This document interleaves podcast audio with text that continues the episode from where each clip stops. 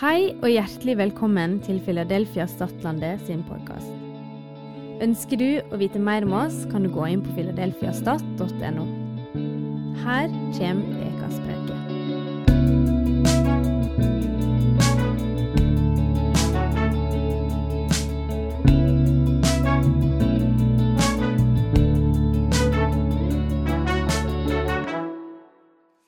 Ok, da skal vi over på noe som er, fem hakk viktigere. Og det er at dere har Eller vi har alfakurs, og der hadde vi nå skal, eh, Vi skal ha preike som er på en måte litt det temaet en har på alfakurset. Og hvis jeg forsto Lars eh, rett sist nå, så var det 'Hvem er Jesus?' Hvem er Jesus? Og du vet, Det er bare koka i hodet jeg så til et par dager. Can I just, Uh. Det blir liksom så vet, Det er det viktigste spørsmålet i mitt og ditt liv. Det, det viktigste er ikke hvem som er president i USA eller Norge, eller, eller hvem som vinner VM på ski. Jeg og Vidar syns det er viktig. da.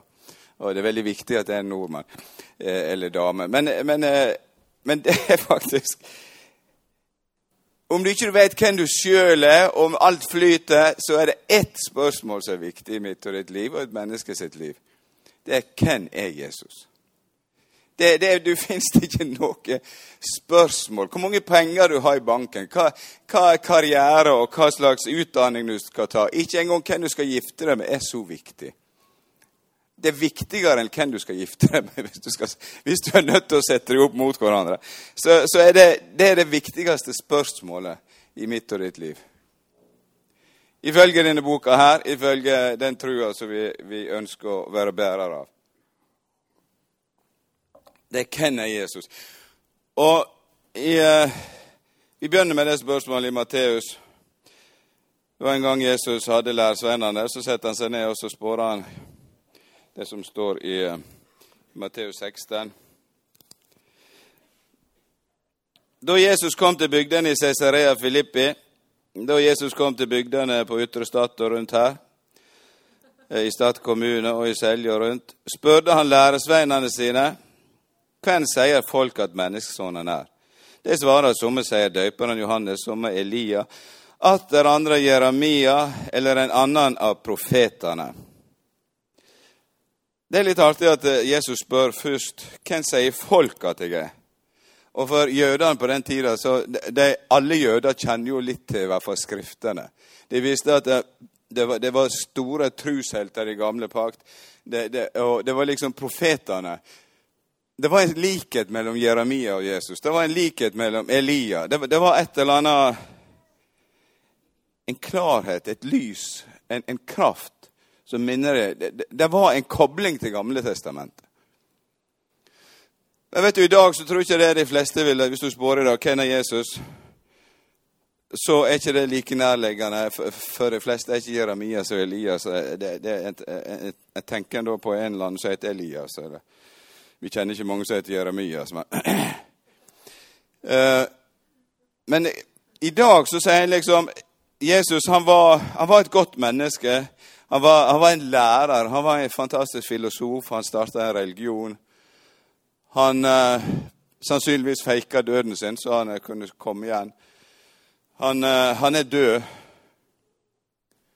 Men han er en av de som har hatt størst, størst påvirkning for hele verden, egentlig. Hvis du skal ta én person som har hatt mest påvirkning på hele verden, så tror jeg ingen kom utenom Jesus. De fleste i dag vil anerkjenne Når Jesus kom, så ble det skille i historien. Det det ble et før og etterpå. Vi som er nær Ålesund, vi, snakka om det før og etter Ålesund-brannen. Nå har vi glemt det. Det var en generasjon. Men nå er det gått 2000 år, og enda er det før og etter Kristus. Han setter et merke i historien. Han har tilhengere i dag som er mer enn noen gang. Men egentlig er det få som kjenner Jesus i forhold til alle. da. Det, det er ikke så, Jeg vet ikke hvor, jeg spekulerer ikke i hvor høy prosenten er. Jeg håper han er høyere eller frykter. Men noen sier han var et fantastisk forbilde. Noen vil si han var Han døde jo så kriminell. Sannsynligvis var han der da. Han måtte jo bråte en lov. Du kan ikke spikre en mann opp på et kors uten at han har gjort noe galt. Det er ingen røyk uten ild, så et eller annet var det nok. Så han var vel en opprører, da. og... Eh, eller han er, han er en fantastisk lærer og pedagog og en terapeut. Eller kanskje han er en sånn eh, lagersjef som kan eh, springe deg til hånde når du ber om ting. Det hadde vært kjekt å ha en sånn Gud. Men alt dette er fake. Alt dette er, noe av dette er Jesus, men han er så mye mer. da. Men mye av det jeg sa nå, det, det er ikke Jesus. Det, dette er ikke Jesus. Hvis, hvis, vi tror dette er Jesus, så, så har vi bomma fullstendig. For han er noe himla mye større enn det. Og det er da, når han hører disse svarene, så var ikke Jesus helt fornøyd. Så sier han Og det, spurte han, hvem sier det at jeg er? Da svarer Simon Peter, du er Messias, den levende Guds sønn. Jesus tok til orde og sa til han, selv er du Simon, sønn til Jonah, for dette har ikke kjøtt og blod åpenbæra for deg, men far min i himmelen. Og det sier jeg dykk, du er Peter, og på dette fjellet vil jeg bygge kirka mi. Og dødsrikets porter skal ikke få makt over henne, og jeg vil gi deg nøklene til himmelriket, og det du binder på jorda, skal være bundet i himmelen, og det du løser på jorda, skal være løst i himmelen. Så Dette var en av de kanskje få gangene at, eh, at Peter virkelig hadde innertier når han svarte. Spontant, rett ut ifra levra. Han var skikkelig pinsevenn, Peter. Så han, eh, han satte ikke seg ned og rekne ut dette, men det bare satt pang. Og Jesus sier, 'Dette har ikke noen lært deg.' Det du nå sier, det har du fått direkte av Far min himmelen. Du er Messias, Guds sønn. Det, det, var Peters enkle svar. Og Da sier Jesus han var begeistra for dette. her, men, men, eh, til og med det sier bare litt av hvem Jesus er. Men det var såpass innafor at, at det sa Jesus dette skal jeg bygge min kirke på. Jeg er mer, jeg er, jeg er mer en lærer. Jeg er, jeg er ikke en, en, en, fantastisk morallærer. C.S. Lewis sa at enten er Jesus den han sier han er, enten er han Gud, sann Gud og sant menneske, eller så er han verdens største bedrager. Det fins ingen, ingen måte å komme klar Det fins ingen en rasjonell forklaring på hvem Jesus er. Enten er han den han sier han er, eller så er han eh, den største bedrager vi har sett. Og hele kristendommen det òg. Men Messias, den levende Guds sønn det er, Hvis vi finner Jesus Han er sant menneske og har sann Gud. Og Hvis vi forstår litt av hvem han er, innenfor de rammene som Bibelen veldig enkelt setter, da finner jeg og du oss sjøl inni det. Det er den rammen vi kan finne oss sjøl i, og vi kan kjenne her hører jeg hjemme. Det, det, er som å komme hjem. For det er noe langt inni vår, til og med i, i vår kropp, som, som kjenner at uh, det er en fred. Det er dette jeg er skapt til.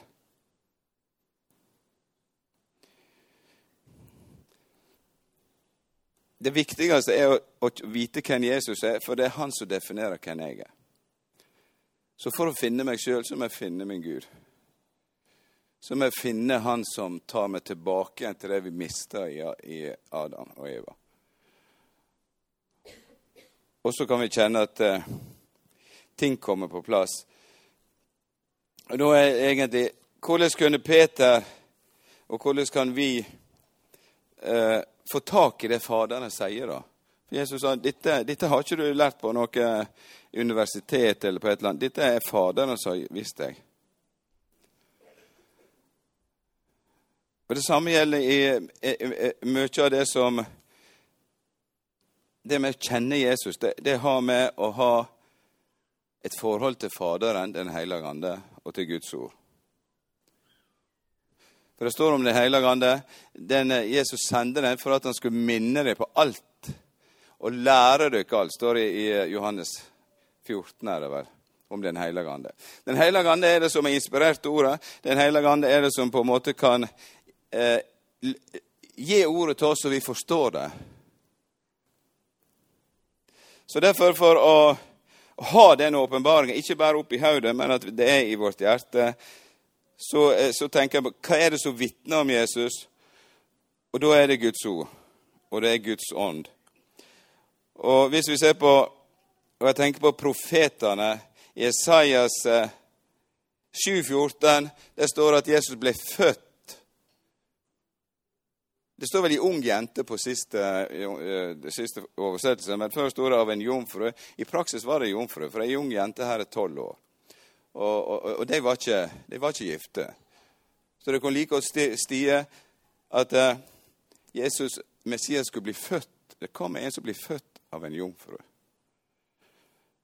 I Isaias 53 når vi leser det, så ser vi at det, det, det er en stedfortredende død. Det, det, er en som kommer og dør for alt folket. Og eh, Jeg bare viser noe sånne profetiske Der, der er jo over 100 profetier som er konkrete og direkte om hvem Jesus er i Gamle Testamentet. Skrevet 600-800 år før. Du finner helt tilbake til første Mosebok tre konkrete ting om Jesus.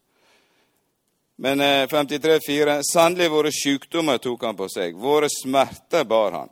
Vi tenkte han var ramma, slegen av Gud og plaga, men han var såren for våre brudd, knust for våre synder. Straffa lå på han, så vi fikk fred, og ved hans sår blir vi lekte.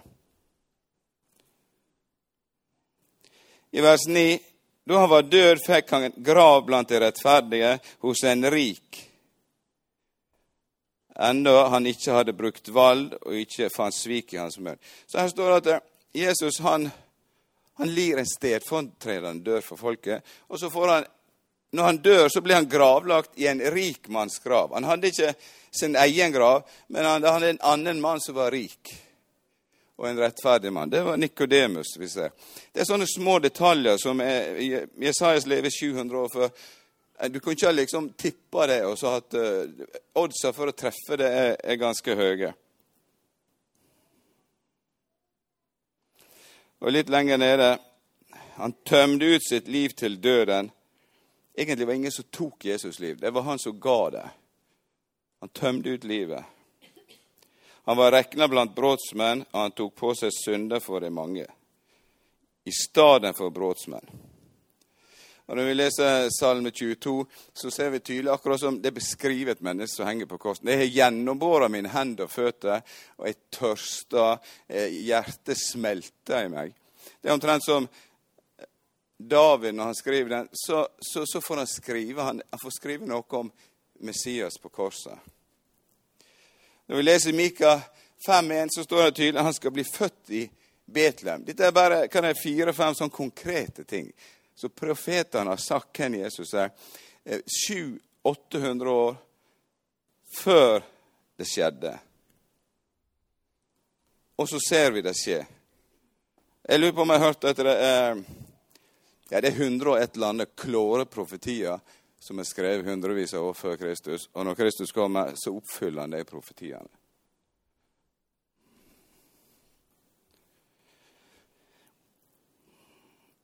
Og så tenker jeg på et sånn fantastisk klart vitnesbyrd om Jesus i Johannes døyperen, sier i, i, Johannes 1. Eh, bare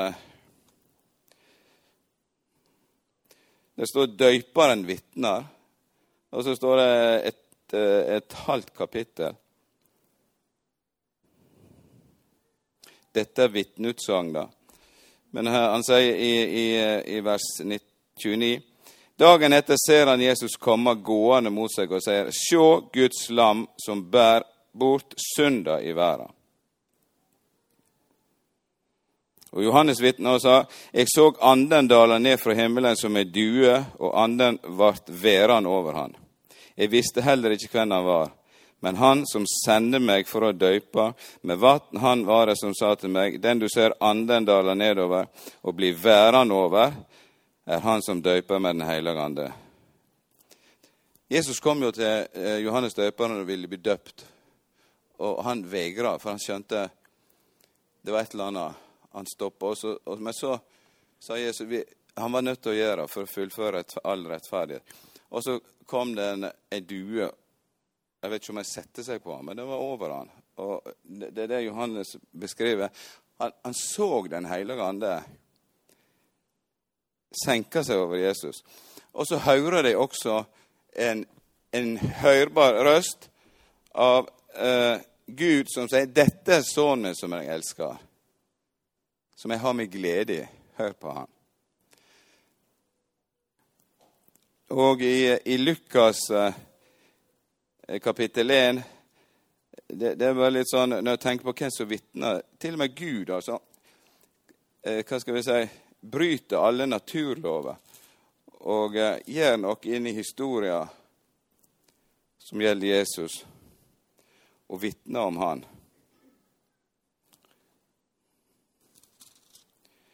Kapittel 1 han sier til Maria Dette er jo Gabriel, men Gabriel er jo, er jo postmannen til, til Gud. Så det er jo han som kjører posten ut av og til.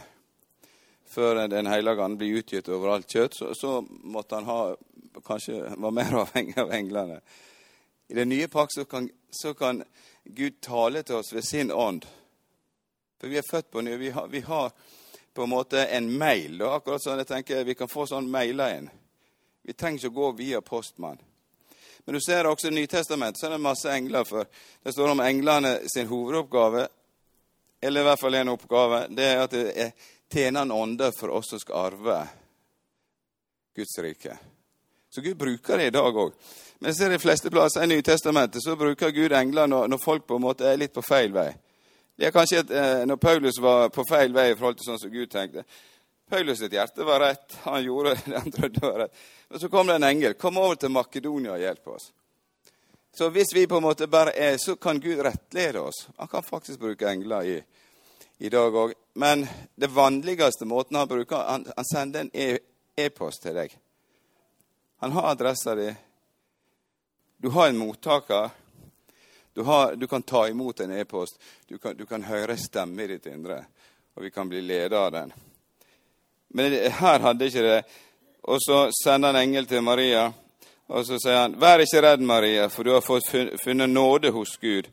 'Hør, du skal bli med barn og få en sønn, og du skal gi han navnet Jesus.' 'Han skal være stor og kalles sønn til den høgste.' 'Herren Gud skal gi han kongstolen til David, far hans.' 'Og han skal være konge over Jakobs hus til evig tid.'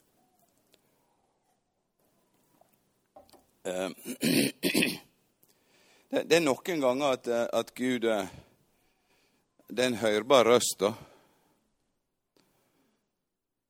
Og det, det, det, var når Jesus skulle bli født. Da ga han navnet Jesus. Og Jesus betyr eh, Javé frelser. Det er bare én frelser, og det er Javé. Det er Gud, det mektige. Når, når Jesus er kalt frelser for en jøde, så betyr det han, han, han er Gud. Det er navnet hans å berge og frelse og utfri.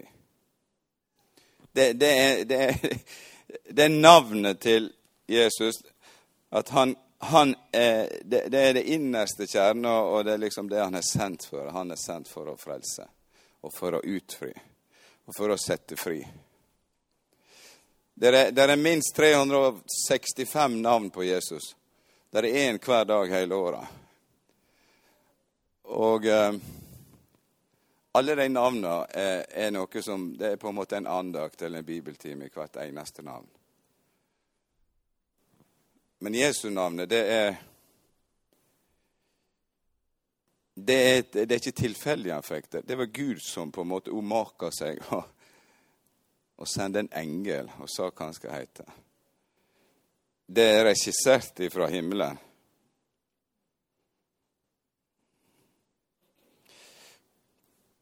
Bare veldig fort. Johannes døperen vitner, alle apostlene vitner. Og vitne betyr martyr. Det betyr at det, det vitner selv om det koster det livet. Og det koster det livet, alle sammen.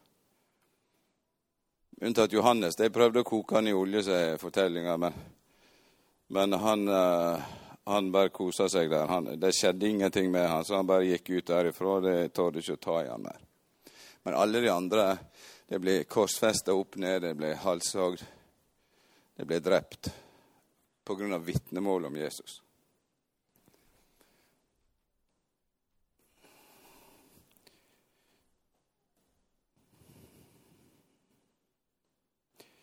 Jesus hadde sitt eget vitnemål, veldig spesielt i Johannesevangeliet. Det er mange ganger Jesus sier han, han sier han kom ifra himmelen. Han kom, Gud er min far. Og Det står en, plass at jødene ble enda mer oppsatt på å eh, ta livet av han, fordi han, han, sa han var Gud. For en jøde sa han han var Gud. Når, når, når, når Jesus sier i Johannesevangeliet 'Jeg er', så, så kjenner jødene igjen. Dette er det samme som Gud sier til Moses. 'Jeg er, jeg har sendt deg'. Jeg er. Emiem. Det er det samme på gresk som, som Javé-navnet er. Det er han som er alltid konstant. Det er han som er evig presens. Det er han som er det grunnleggende identitet i kosmos. Hvis jeg og du skal finne ut hvem vi er, så må vi først finne ut hvem han er. Og Dette er så genialt sett i hop at før du presenterer deg sjøl og sier hvem du er, så sier du 'jeg er'. Og så, I hvert fall på engelsk. I am, og så navnet. Så alltid før vi skal si hvem vi er, så sier vi hvem Gud er. Fordi at det er basic. Det er det grunnleggende for all identitet. Det er hvem Gud er.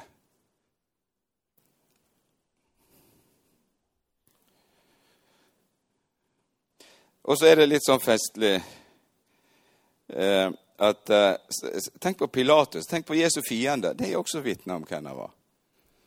Pilatus han eh, laga til en greie, og så skrev han på eh, Jesus, eh, kongen av jødene, eller Kristus Jeg husker ikke akkurat om det er Kristus, kong, jødenes konge. sant?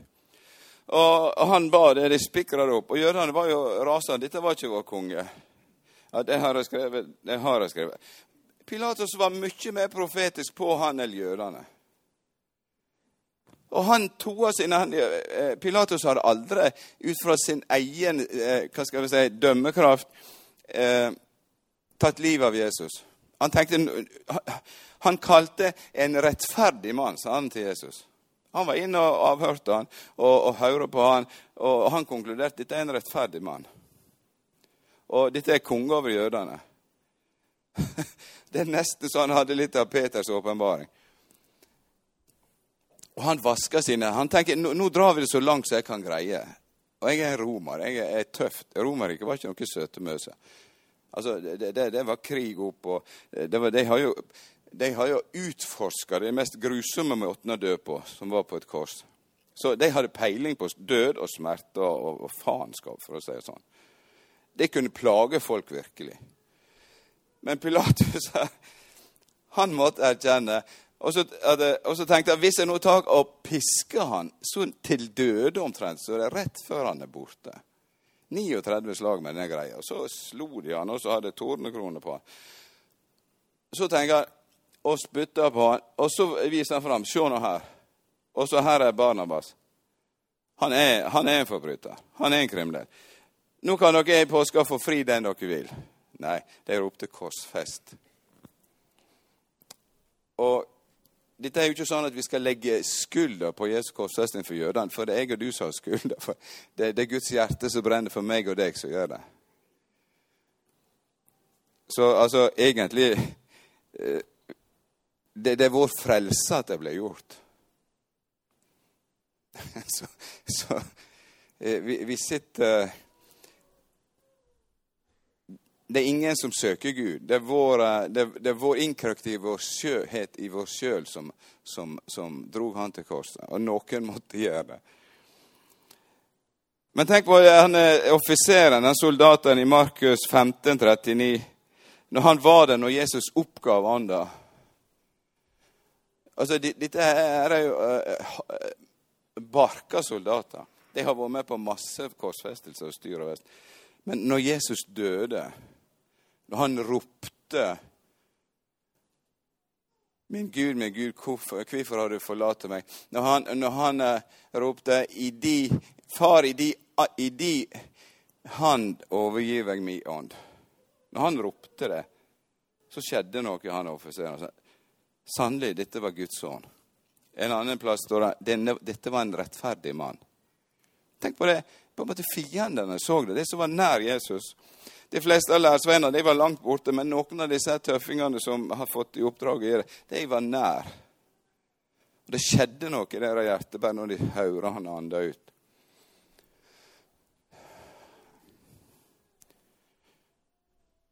Og faktisk, dette, dette ordet 'overgi' jeg brukte litt når vi, jeg, jeg overgir liksom lederskapet i menigheten til noen andre. Det er noe fantastisk.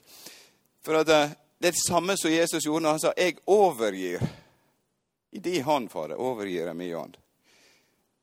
For det, er en dobbel overgivelse. For vi, vi overgiver oss til Gud. Derfor kan vi gi det til andre.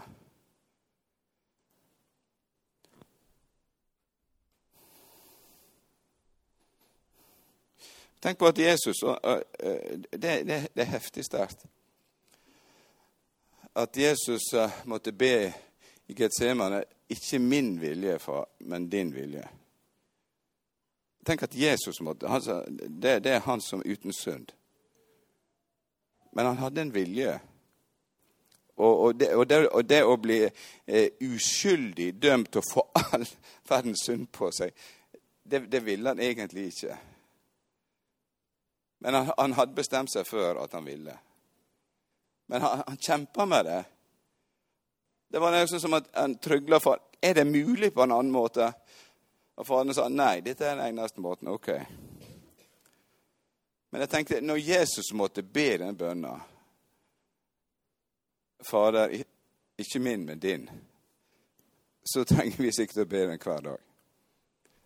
Eh, for, fordi at uh, Vi er ikke helt der ennå.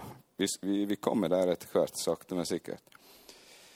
Men noe også som er ganske rått. I Markus 15 der står det når Jesus kom over gardeernes land, så sprang han galningen her, vet så de prøvde å binde med lenker. Han sleit lenkene. Eh, eh, det var jo en sånn en sånn åndsmanifestasjon, en sånn kraft i, i, i den fyren at jeg, jeg tipper det, det var ikke folk. De torde ikke å gå forbi der engang. Det, det var omtrent en stengd vei.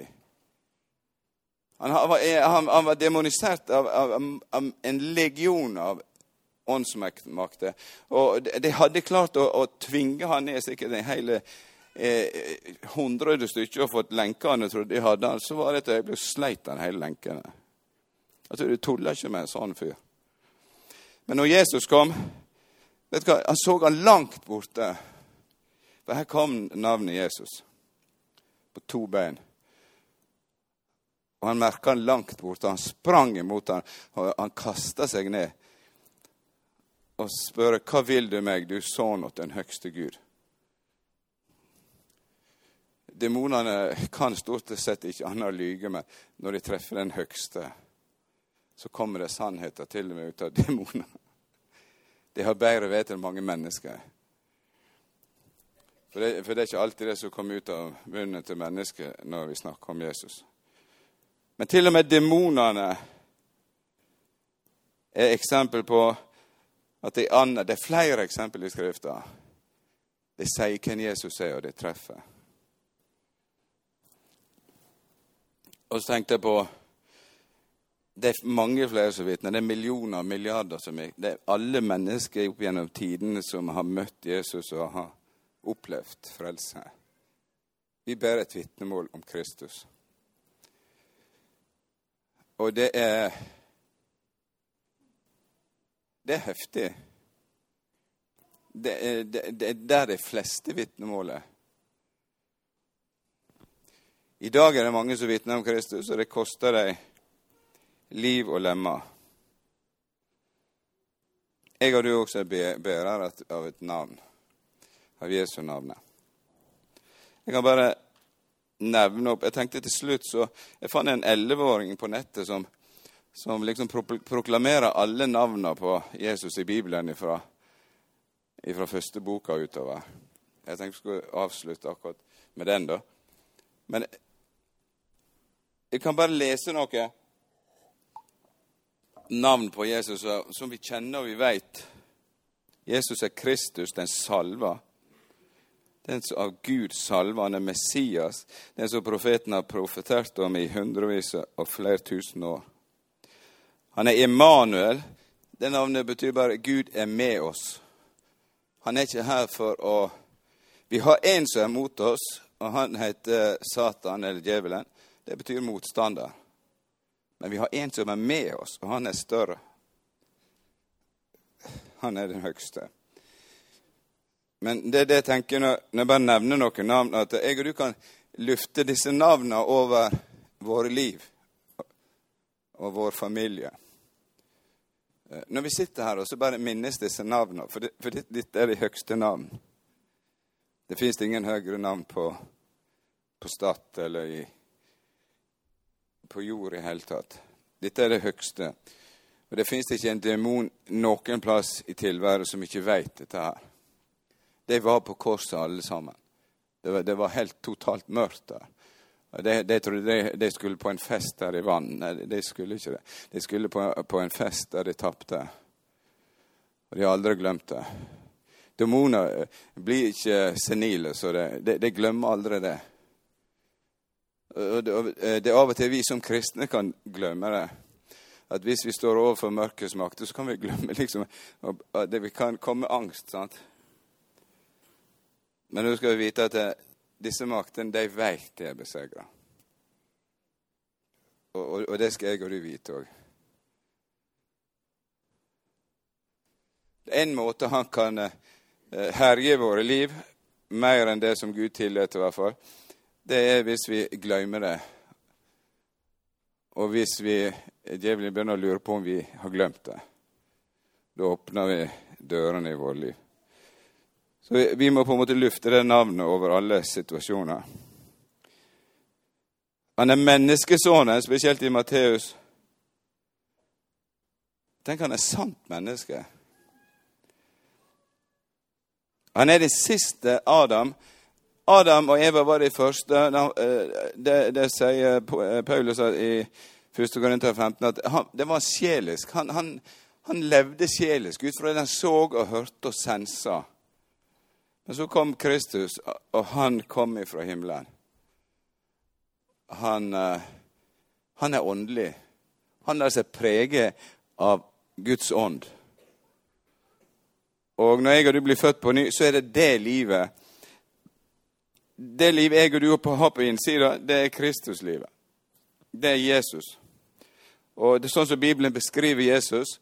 Du kan si i 1. Korinter 13 kjærlighetskapittel, det er, det er, Jesus egentlig som passer på det. Når det er agape der står. Men vet du hva, det er også deg og meg. Det, det, vi har noe av den Vi har noen dråper av den livet i vårt, i vårt indre. Og det er det sterkeste vi har. Det er noe som ikke fins på jord i hele tatt, annet bare i det nye livet. Jesus er kalt både apostel, profet og hyrde og lærer. Han var mellommann, og det er paktspråket. Det var han som jeg gikk imellom som et sant menneske når Gud gjorde pakt med oss i den nye pakt. Og du ser egentlig i forbindelse med Abraham òg. Abraham sov. Det var Gud og en mellommann. Han er, eh, han er veien, sanninga og livet. Han er alfa og omega. Han er, han er parenteser rundt hele vårt liv og mye mer. Han er den som var før noe var skapt, og, og den, han, den som er etterpå. Og han er den som alltid er i det, i en evig presens.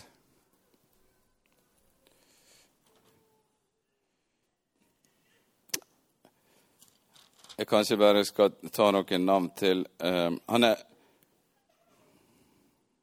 Han er løven av Juda. Han er Guds lam. Se der Guds lam, sa Johannes døperen. Han er konge og kongenes konge. Han er øverste prest. Han går inn i det aller helligste, og han ber for meg og deg. Han er Immanuel, han er på vår side. Han løfter deg og meg opp. Jeg har lagt merke at Jesus ba aldri om forbønn. Han, treng, han trengte ikke han, han, tok med læresveinene ut i Getsemane og sa kom og vær med og be, for nå er det tøffe tider. Men han sa be om at ikke det skal komme i freisting. Han, han, ba ikke direkte om at nå må de be for meg, nå, nå, nå står det og røyner. For han visste det, det var ikke mye hjelp i det. Det er faktisk ikke hjelp i mennesket når Gud frelser. Det er suverent. Når Gud gjør pakt med oss, og det nye pakt, så er ikke det, det er ikke hjelp i. Men jeg tror Gud bruker oss nå, og eh, våre bønner er forferdelig viktige nå. Men akkurat når Jesus gikk her, så, så ser ikke jeg noen plasser han ba om forbønn. Men vet du, han, ber. Han ber for oss. Den hellige ande ber for oss. Det, det, det er en fantastisk eh, Han er den klare morgenstjerne Bildet er at det, det er morgenen. Jesus kom gjennom morgenen. Det er der vi ser at han, han kommer. Han er hjelper, han er talsmann. Han er brudgom, han er herre. Han er vårt håp og vår fred og vår rettferdighet. Han er vår venn, og han er den oppstandende. Han er den som har stått. Jeg så en sånn, en som heter Gary Habermas. Han har skrevet en bok for noen år siden om oppstandelsen. Han er vitenskapsmann, og han, han har studert det grundig. Jeg tror det er han der eh, Tor-presten. Jeg, jeg, jeg, tror han har lest noe av de greiene der. Og Han sier at når, når han snakker med topp vitenskapsfolk og teologer, så han sier mye over 90 det, kan ikke benekte. Det mest sannsynlige er at Jesus har stått opp. Det er ingenting som er så bekrefta gjennom verdenshistoria på den tid som det. Det er det eneste som kan forklare kirka, historia, etterpå. Det er det mest sannsynlige. Og De skriftene vi har, og den måten de er skrevet på, og de vitner vi har fra Paulus, det er, det er så troverdige at det, det, er det mest sannsynlige. Ikke bare det, men over 90% av intelligente folk i dag de, de, de, benekter ikke at Jesus har eksistert. De benekter, de benekter, ikke at han levde, at han døde, og at han sto opp igjen en gang. Altså, jeg tror det er to-tre bøker som er skrevet de siste åra, som er enormt fantastisk eh, apologetisk arbeid. Og Jeg skulle likt å ha den boka, men jeg har ikke den ennå. Men den kommer vel. Men det, det er veldig trosstyrkende at det, eh, det er så fast før vi spiller denne der, det er fire-fem minutter, skal jeg lese bare det som vi kaller en eh, Kristus-hymna eh, i Filippabrevet.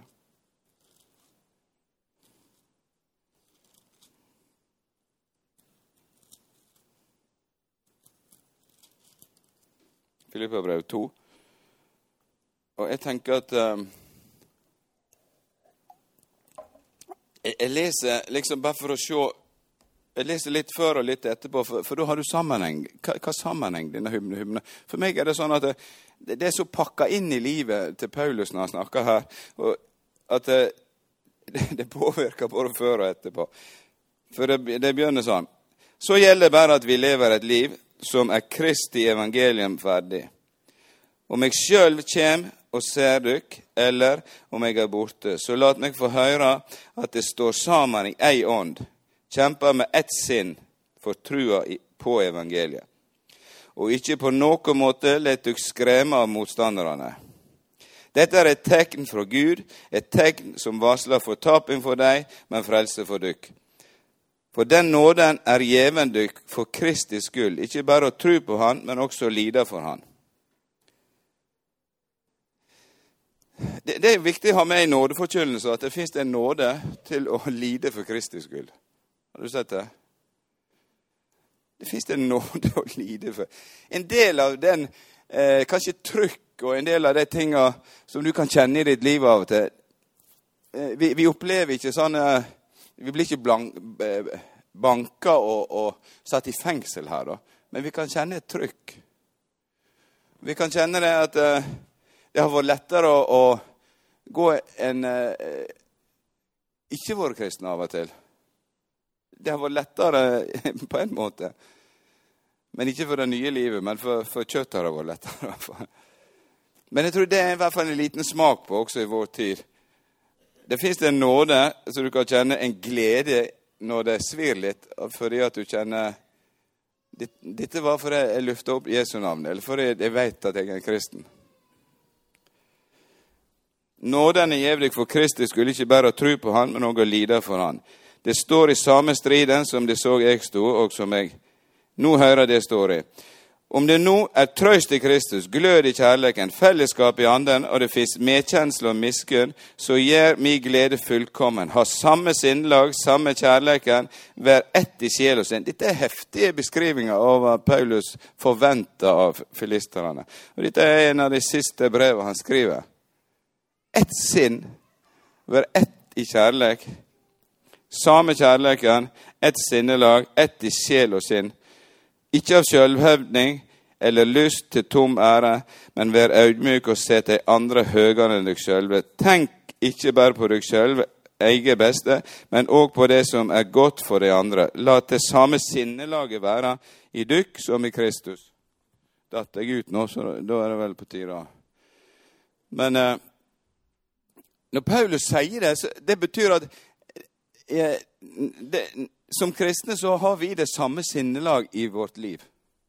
Det er Kristi sinnelag som er på innsiden. Ja. Nei, da skal jeg bare stoppe der, og så kjører vi den Les, Nå kom akkurat til Kristushymna, så da kan du lese den sjøl. Men det er, det er, det som er originalen. Jeg, jeg tenker, Kanskje vi kjører den videoen, og så får jeg lov å be i bønn i lag med dere etterpå.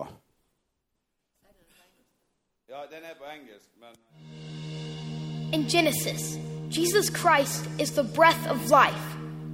In Exodus, he is the Passover lamb.